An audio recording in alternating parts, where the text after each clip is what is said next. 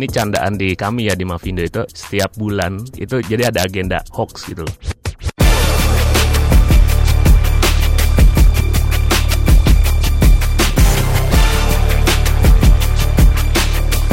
Cek fakta, cek fakta, cek fakta.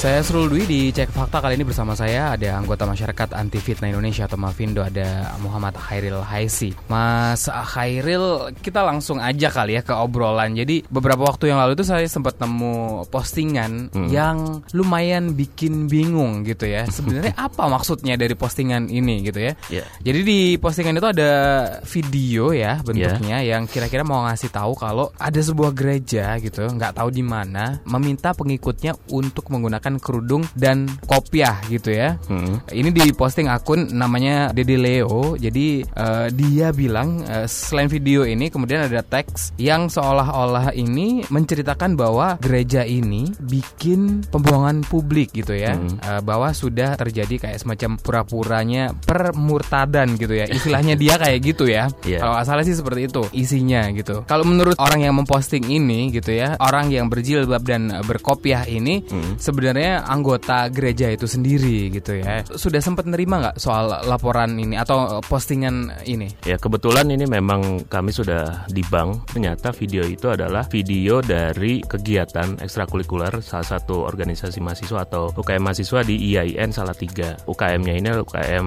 apa paduan suara. Tujuan UKM ini nyanyi di gereja saat itu adalah Untuk menunjukkan adanya sisi toleransi dari umat muslim kepada umat Kristen Pada saat perayaan Paskah. Kalau nggak salah kejadiannya itu di awal du- tahun 2018 Kalau tidak salah. Nah memang ini agak menarik sih mas. Jadi dari postingan sumbernya itu memang kontroversi dan ketika kami di bank pun ini mengundang perdebatan. Dalam arti begini apakah tindakan UKM ini benar atau tidak secara agama atau segala macam. Sedangkan kita kan dari Mavindo itu menyatakan bahwa video itu real cuma akhirnya dipelintir. Dan ternyata diskusi di forum itu mendebatkan itu juga ini boleh atau tidak segala macam. Sedangkan kalau menurut saya pribadi apa yang dilakukan oleh mahasiswa-mahasiswa dari IAIN Salatiga ini tidak ada masalah karena cuma menunjukkan sisi toleransinya sisi Oke. toleransi menunjukkan contohan bahwa Indonesia ini bineka Dampaknya memang pada perdebatan soal boleh atau enggak muslim katakanlah Ya. masuk gereja gitu. Uh-uh. Itu yang diharapkankah dari si pemposting ini orang yang memposting video ini atau gimana kira-kira? Kalau yang saya lihat dari postingan awalnya, yang diharapkan sebenarnya adalah bahwa kaitan ini agak politis sebenarnya. Jadi kita memasuki tahun politik 2019,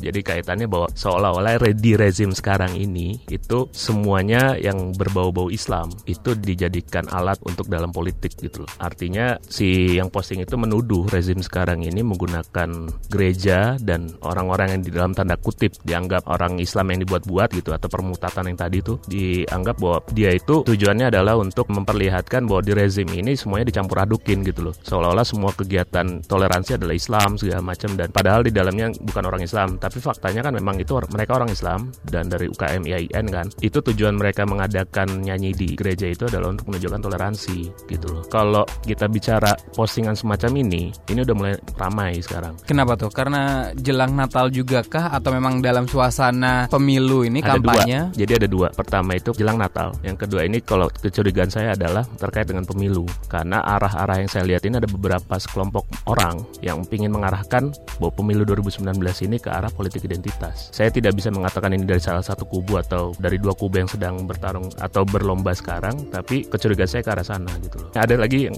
baru kemarin masalah jadi orang berpakaian Betawi, tapi isi videonya itu tentang ajaran-ajaran masalah agama Nasrani kalau nggak salah. Nah itu kan memang di Betawi sendiri, walaupun pakaiannya seperti Muslim, tapi kan dia tidak semuanya Muslim. Dan memang pakaian yang dipakai itu kan memang pakaian kultur Betawi. Jadi kita nggak bisa membulatkan bahwasanya orang berpakaian peci atau pakai selendang khas Betawi itu udah pasti Muslim. Di postingan itu dibilang bahwa ini penyelewengan budaya Betawi apalah segala macam. Padahal memang di Betawi ada gitu. Ada yang memang non Muslim dengan cara pakaiannya Betawi gitu kan. Dan ada juga yang memang Muslim pakaiannya sama karena itu kan budaya. Ada polanya berarti gitu kan itu lebih kurang mirip kan sebenarnya ya. Kalau dari selama pengamatan kami sih memang ini candaan di kami ya di Mavindo itu setiap bulan itu jadi ada agenda hoax gitu. Oke.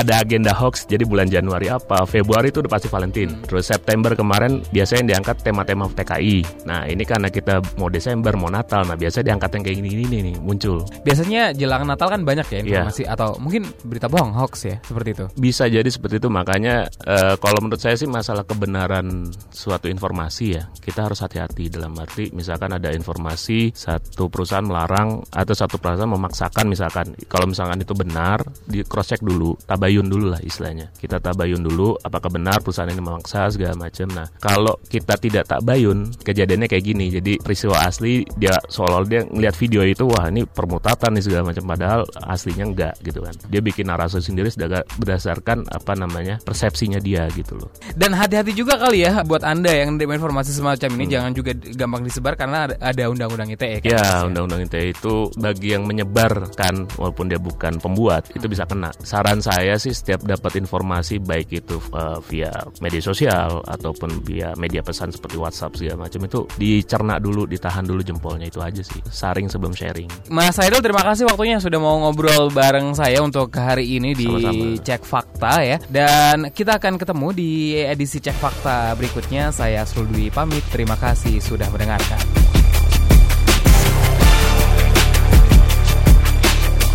Cek Fakta. Cek Fakta. Cek Fakta.